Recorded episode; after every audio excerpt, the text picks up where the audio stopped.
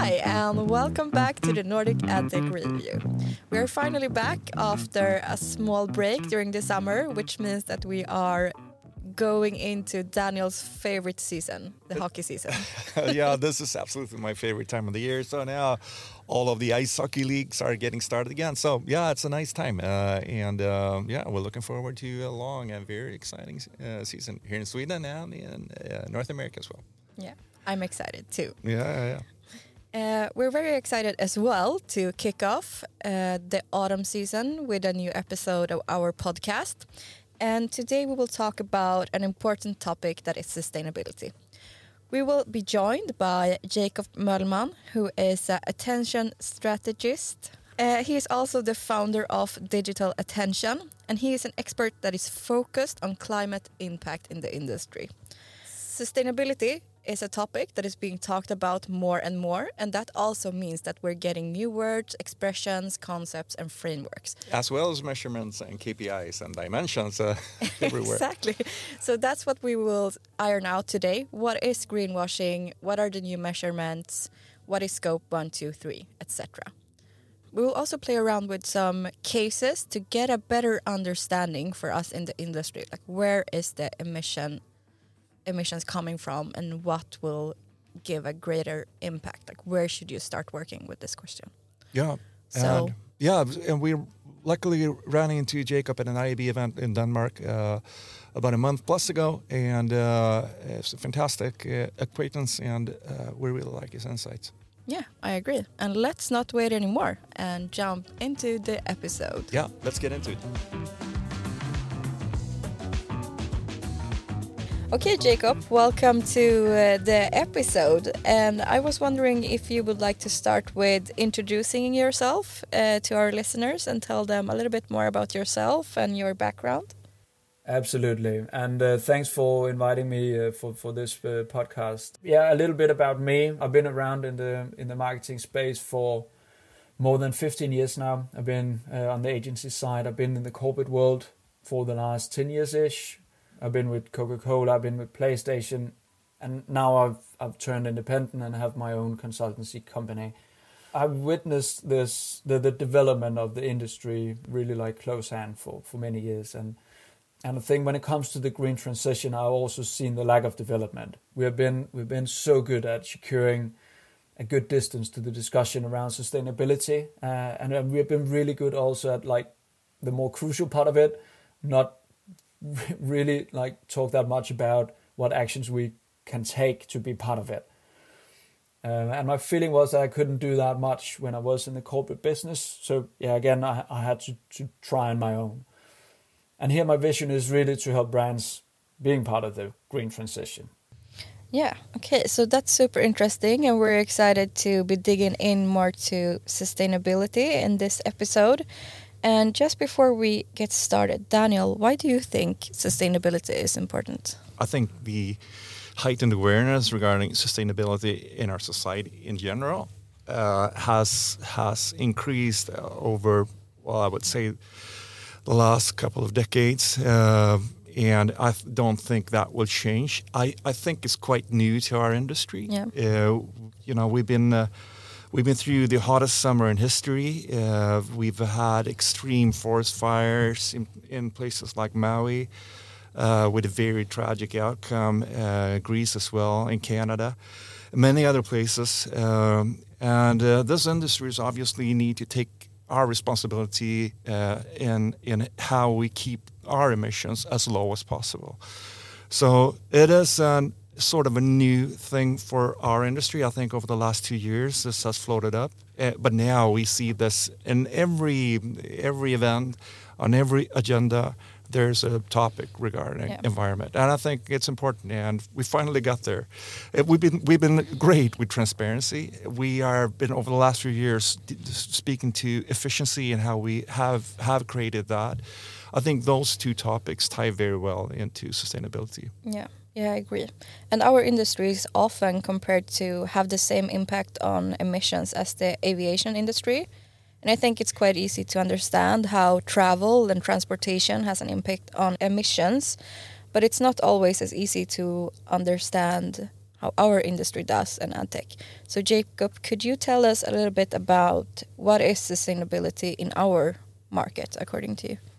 On, on sustainability, I would say that the, the internet as a whole, just just to be precise on that, as as a whole is around 3 to 3.5% of the global greenhouse gas emission, where marketing is then a part of that. I absolutely see marketing as a crucial part of the internet. It is a backbone, money in, money out, and all the ads money that are coming into the system are what is driving publisher sites and tech companies and all that. But just so we are aligned that marketing alone is not these 3 to 3.5% of, of the total greenhouse gas emission. What is included is, of course, super interesting, and it is so important that everybody is aware of why, why is this this uh, this crucial. What is, of course, interesting from from a start is to find out what is what do we actually link back to marketing. So, how much emission do you uh, can you can you say this is because of marketing? and what is more related to other things, other activities. To me, there's of course the entire set of emissions from technologies, from running ads, running publisher sites. That requires energy, and it is the energy that are the polluting factor. So, um, so those are the basic stuff of running the ads. Then, of course, content, content both production and also running content through the system. There is a pretty big uh, emission uh, related to, to the content part. Um, 80% of the internet is video content, and video content is just heavy content. Yeah. So so and and I, and I think that percentage will not it will not get smaller. It will only get bigger. Yeah, definitely. But as you stated, it's more and more focus on this subject in our industry, and that means that there are new concept, framework, words, and measurements in relation to something. So I just wanted to iron out some of these stuff before we dive deeper into it. Uh, so I wanted to talk a little bit about greenwashing, scope one, two, three, some measurements. And um, Jakob, could you start with telling us what is greenwashing and how do you avoid that? So, so greenwashing is when you are claiming that you are more green than you actually are. Uh, so, using uh, wrong claims or claiming that you are 30% better without having anything to compare it to, uh, that you're using like a non scientific uh, calculation method uh, that you're just saying that hey we have we have green products but let's say it is 1% of your of your business or not not even a real product or not a product that you sell yet. So there are many you can say faces of greenwashing but the overall is when you're trying to be uh, green and get the benefit of being green but without being it. Okay. And if you would if you would grade the industry, the ad tech industry as a whole, would you say that that we are on the right side of that question, or are we somewhere in a blurry in between, or where are we? You think? I think there's more. I mean, greenwashing have a counterpart in greenhushing, where you are where you're not telling or saying anything and continue to communicate as you did, mm-hmm. yeah, previously. So it's more, I think, for many many both tech companies and other type of companies that that you you end up in, in green hushing. But there's of course a tendency that if you're working with, I, I, I think I see it especially in in, in uh, handling of content, then then you then you tend to find these more green mm-hmm. angles. So if we take uh, this the Swedish tech vendor, when when I go back in time when they started out, it was not it was not with a green agenda. That was with an efficiency agenda that you could run your ads more smoothly. And then suddenly they became yeah. a a more like green tech vendor. So so I think that is like uh, uh, is it fair enough that they claim it? Yeah, it's fair enough. Um, but that just that we are aware that it didn't start it like that. The next one I wanted you to explain is scope one, two, and three. Yeah, so so that is like what is really frame the entire uh, emission in the in the entire value chain of a company. Um, so you have scope one, which is their owned direct emission. So so that is from their own production line, their own vehicles, uh, if they have trucks or cars or whatever. So what they own and what is directly uh, to their uh, to, to, to their own production, where they control everything, so they can stop driving the trucks, and then it will uh, then the uh, emission will will stop, and they can control that. So that would be the first circle. Yeah, so that is the inner circle, and that is where, of course, most companies starts when they start to right. do some measurements. They start with scope one because that's of course where it's easiest to get to get data. Yeah. Scope two is indirect, but also uh, what we what we say is owned by the company themselves. The energy that you are buying uh, from a uh, from a power plant, so you don't uh, you don't directly can control it, but it goes into your own uh, production line, your own buildings for light, for whatever it might be, all the energy that you use. So there's a distinction between those two. If you had your own little power plant, that would turn then into scope one and not being okay. scope two. But because it is produced okay. by somebody else, it end up in being indirect, and therefore it is scope two. Okay.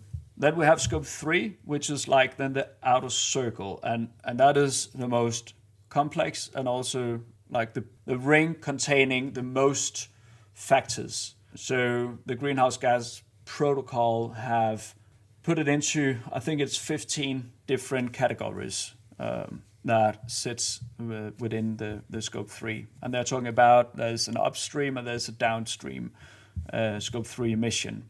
Uh, so it's everything from the all the uh, goods and products that you purchase as a company, either for your own production or just whatever product you buy into your company. So that is produced by somebody else. So that is somebody else's scope one. But when you purchase it, you have to uh, measure it as your scope three. It okay. is your employees commuting to, to work, business travel, everything. Recycling, I would yeah, say. Yeah, yeah, yeah. the waste, everything around waste, um, yep. the consumption of the product that you produce. So consumers buying your product and consume it. Yep. Is then your scope three emission. And how do we adhere to this? Are there examples of companies that that deploy uh, scope one, two, three, and uh, and get accredited in some way? There's a company, of course, named named scope yeah. scope three, but how do we operate after these sort of standards or or guidelines? I mean, if if you look at at first how how to do it, there, there's various accounting companies out there who is managing the entire scope framework and can help companies measuring all of it. But I think from a company perspective, it goes, and, and that, that is from my experience and how I, I've seen it. It moved from the inner ring of scope one and out to the outer ring of scope three. So if you look at the big companies, and, and here we're talking like the top 20, 25, depending on the market. In Denmark, it's the top like 25, 30, mm-hmm. maybe 50 companies in Denmark. Yeah. That was also a huge part of the entire CSR. The CSR work that popped up, and that is 10, 15, 20 years ago. Um, the big company took a uh, a huge work in that and really started to actively work with CSR.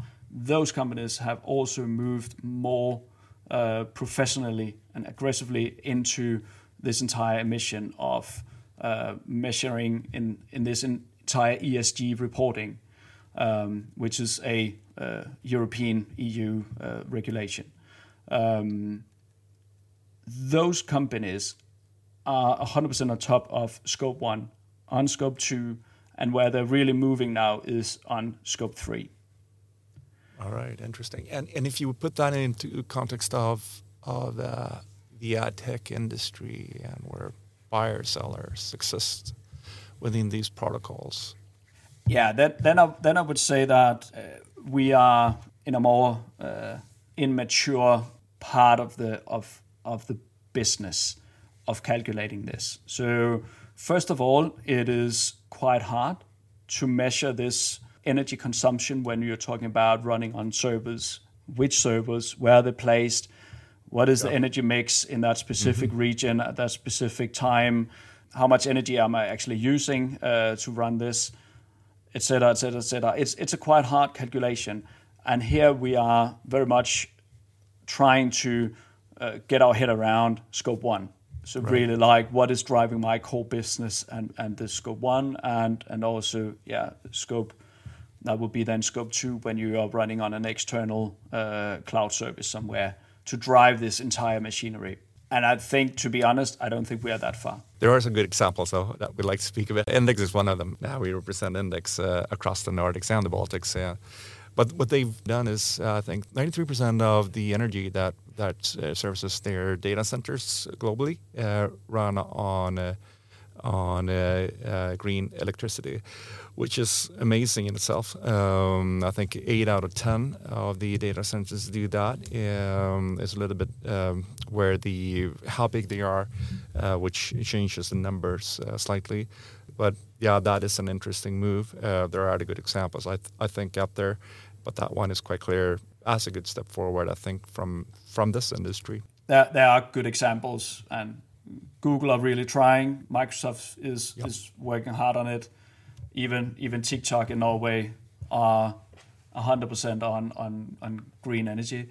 So yes, there are good examples. We still have to still have to focus on the fact that 80% of all energy produced worldwide is still on fossil fuels. Yeah. Um, yeah. So so um, of course, the more we can do, the more we can push for it, the better. So yes, absolutely. Yeah. Let's let's let's focus on on the good examples. They are they are driving a lot of good. Uh, so you were touching on it a little bit. There's a company called Scope Three as well that work with uh, measurement, and one of the measurements they are talking about is CO2 PM. So I wanted to ask you, Jakob, what measurements are available? Is this like the common commonly used measurement, or what what other measurements are there? So uh, CO2 per yeah, it's per thousand impressions. We're always trying to see okay, how can we make things comparable across different medias, and that is often something per thousand. So cost per thousand or uh, uh, number per thousand or whatever it might be, and that that that we have seen. Uh, uh, throughout throughout the years in, the industry. And here we're talking then about either grams of CO2 per thousand or the cost per gram of CO2 per thousand impression. So how much how much do you pay uh, to get to X amount of, of, of CO2? Yeah. All right, great. If we'll just come back a little bit on something we touched on on the beginning of the podcast or the episode. Uh, aligning growth with sustainability, to me, that speaks to at least, well, there's some friction there, I would say. Uh, you know, coming into being a product manager for one uh, product line, all of a sudden you you you speak to maybe we should not grow that much this year for all these reasons. This must be something that I, I would assume many brands uh, struggle with a bit. How does this play out? Uh, oh, first of all, I, I, think this is the main dilemma for, yeah. for all publishers, agencies, advertisers. That I mean, everything is geared towards a business model that are running really, really fast. It is high volume. It is um, high load of of, uh, of campaigns. So so we're running many campaigns, many channels, lots of content and everything is geared to to to to that. So yeah. suddenly hitting the brake and say, oh, maybe we should say no, run fewer ads, uh, fewer clients, uh, fewer whatever. then uh, someone might suggest that maybe you should have another. Maybe job. you should have another job. Exactly. And and if, when you speak around, it's like there's one common sentence is that it have to come with with no cost. So yeah, yeah, we can test, yes, but it have to come with no cost. So so. I agree that we have come a long way. We are talking much more about it, but we are still in in a phase where it's like, mm, yeah, but yeah, if you can give it for free, I, I can test, but it have to to either be free or um, there have to be a guarantee that I can achieve the same, Yeah. No cost. And I think that is that is something that we simply have to uh, put in the grave and move on. It that, that Yeah. it will come with a cost because as I mean, sustainability and growth as it is right now is not it's not it's not a super good link. So if we take advertisers, yep, if you're lucky, if you're lucky, your best performing uh, media setup is also the one with the uh, least emission. If you're lucky, and then then all is good, and then you're happy. But there's a great risk that it's not the case, and then you have to ask yourself, what is what am I re- ready ready to do now? Yeah, so I would like to play around with some examples and have a discussion around them. So before the summer, uh, we at Netric had our yearly summit, and we were joined by a company called Capero, who had a session that was called "Busy is the New Stupid." Uh, in this session, they talked about market that marketing departments are doing more than ever in more channels than ever, and that there should be a larger focus on less is more, reuse and reach. And I just wanted to play around with this thought a little bit together with with you, Jakob. If we would pretend that a buyer or advertiser was not allowed to create any new creatives for a full year and they could only reuse existing material with minor changes up, uh, or updates in wording.